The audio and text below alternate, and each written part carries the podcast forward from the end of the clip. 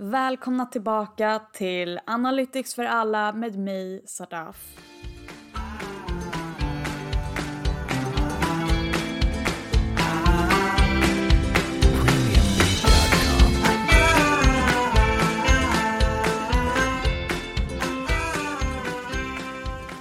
Dagens avsnitt kommer att handla om inget mindre än storföretaget Spotify och hur Spotify kan rekommendera de här alldeles fantastiska listorna som är bara specifikt baserade på den musiken som vi tycker om. Men för er som inte känner till Spotify så pass väl så kör vi lite background info. Spotify är en enorm musiktjänst som använder sig av big data och AI för att kunna sticka ut jämfört med många andra musikstreamingtjänster. Från och med i december 2019 så hade Spotify 217 miljoner användare som loggar över 100 miljarder datapunkter per dag. Genom att använda användardata och egna algoritmer så har faktiskt Spotify kunnat sortera och prioritera innehållet för att skapa då den här personliga användarupplevelsen som väldigt många uppskattar. Det är vad um, vi i branschen kallar för värdeskapande. Spotifys applikation har idag över 50 miljoner låtar och samlar enorma mängder data relaterade till sångpreferenserna, sökbeteendena, spellistdata, geografisk plats eh, och den typen av information och mest använda enheter. Allt detta sparas då. Så när jag säger använda enheter, det kan ju vara att eh, jag exempelvis använder mestadels av tiden Spotify genom min telefon, så det är min mest använda enhet. Medan någon annan kanske mest använder Spotify genom en datorn, då blir den en enhet.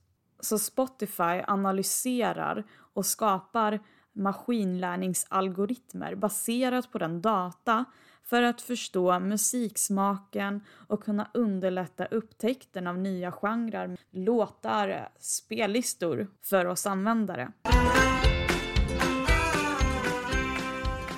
Genom att Spotify använder AI för att eh, skapa de här personliga spellistorna som exempelvis så har de en som heter Discovery Weekly um, och Release Radar.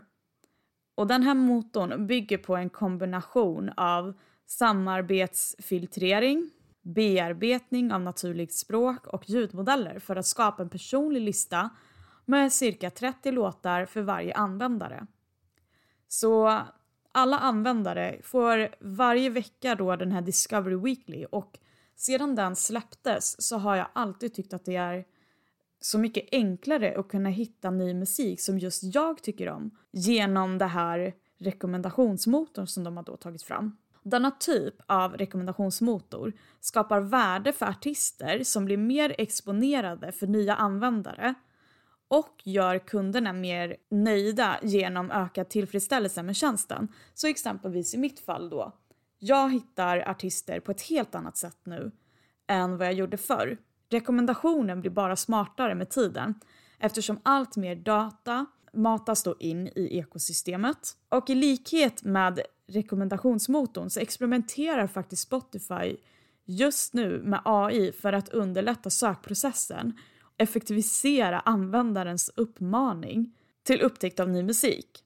Så det ska alltså bli ännu enklare för oss genom till och med sökprocessen till att hitta ny musik. Jag tycker att det här är helt fantastiskt. Jag har alltid varit ett väldigt stort fan av deras streamingtjänst med tanke på hur mycket det underlättar och hur ofta man faktiskt använder den. Det var alltså lite kort om hur Spotify funkar och hur vi får våra rekommendationsspellistor. Och om ni inte har sett detta än så gå in på er Spotify så kommer ni också kunna se de mest spelade låtarna, artisterna.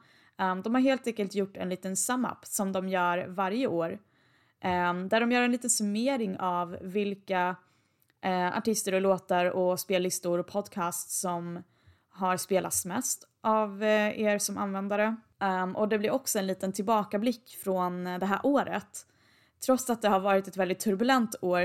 Om ni inte har kollat deras senaste ehm, tjänst så gå gärna in och titta och sen så kommer ni också kunna se um, staplar på vilka som har varit mest spelade och vilka som har varit minst spelade. Det är uh, insiktsfullt skulle jag säga. Och glöm inte bort att följa mig på sociala medier. Sadaf underscore alhadad på Instagram. Ni kan hitta mig på LinkedIn eller bara mejla mig på analyticsforalla.gmail.com. Tills nästa avsnitt så får jag önska er en jättefin helg och se till att vara försiktiga och ta hand om varandra och stay tuned.